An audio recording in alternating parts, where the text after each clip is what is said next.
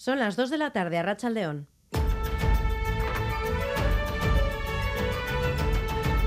Crónica de Euskadi con Irache Martínez. El propio grupo Ulma son nueve empresas que constituyen un grupo y no me cabe duda, ellos mismos lo han planteado, que continuarán con esos valores de cooperativismo, de solidaridad y de trabajo conjunto. Voluntad de trabajo, entiendo, con el grupo Mondragón y con el resto del ámbito industrial vasco y como gobierno nos toca colaborar y trabajar para tener un ámbito industrial fuerte.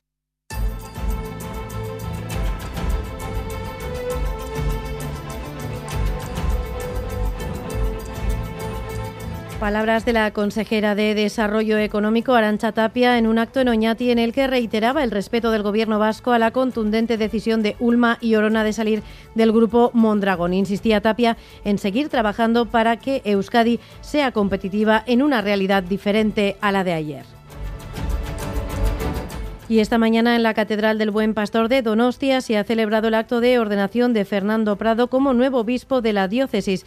Prado sustituye a José Ignacio Munilla al frente de la iglesia donostiarra. Entre los participantes en el acto religioso ha estado el propio Munilla y también uno de los curas más conocidos de Donostia, Kakush, que por si no lo recuerdan fue procesado por pederastia aunque sus delitos habían prescrito. Reconoció haber realizado tocamientos a dos menores. Juan Cruz Mendizábal, Kakush, ya mostró su apoyo apoyo al nuevo obispo en el acto de la diócesis. Fernando Prado tomaba así posesión de su cargo.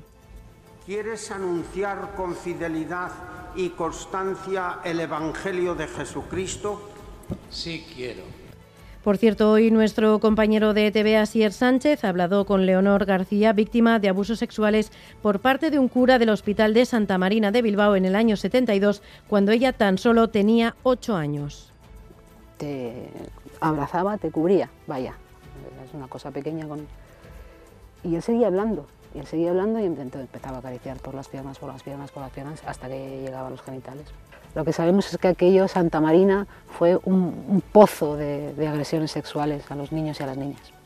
La situación en Perú ha empeorado desde que el expresidente Pedro Castillo fuese condenado a 18 meses de prisión preventiva tras realizar un autogolpe de Estado. En estos momentos asciende a 22 el balance total de muertos en las protestas. En este contexto, varios jóvenes vascos, entre ellos siete estudiantes de medicina de la UPV, han permanecido atrapados en el país al que habían acudido a pasar unos días de vacaciones. Finalmente, han conseguido coger el avión de vuelta a casa tras la apertura de carreteras y aeropuertos. Ahora sí han abierto varios aeropuertos del país entre ellos el de Cuzco, de forma que más de 5.000 turistas atrapados han podido salir del mismo. No obstante, el estado de emergencia sigue vigente y se mantiene el toque de queda en 15 provincias.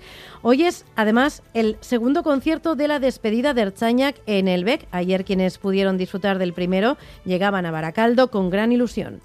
Ni iruñatik nator ikustera, etzan da la banda sonora de mi juventud, hola, eta, bueno, azken aukera izan da ikusteko, eta, bueno. Azkenengo kontzertura joan nintzenez, ba, ejerzitoren kontrakoa zuzen ere, ba, errepikatuko dugu beste azkenengo bat. Azpaldian ez nuen hainbeste jende metroan entzuten, euskaraz, komentzituta nago ondo pasatuko dugula, haiek dena emango dute, eta guk ere bai. Ertzainak oso talde garrantzitsua izan salako gure garaian, aspaldiko garai hartan, talde handienetakoa zan eh, referentzia, gero etorri diren beste talde batzuentzat.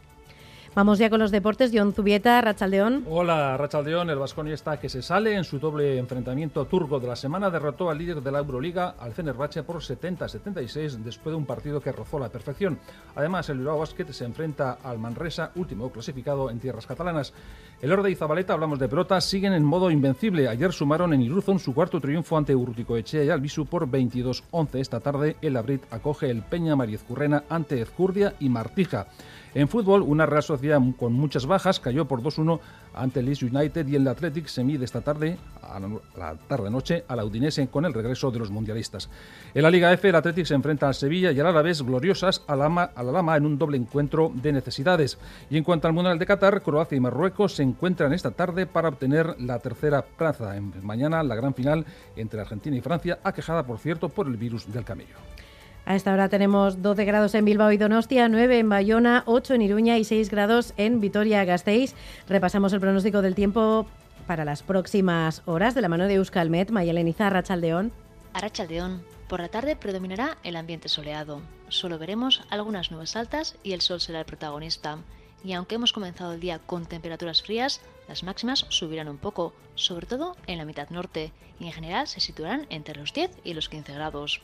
Pero con el paso de las horas, el viento del sur irá ganando fuerza y por la noche arreciará. Pero en resumen, la tarde será soleada. Mañana tenemos que destacar el viento del sur. Desde la mañana soplará con fuerza y se notará especialmente en Guipúzcoa y en Vizcaya.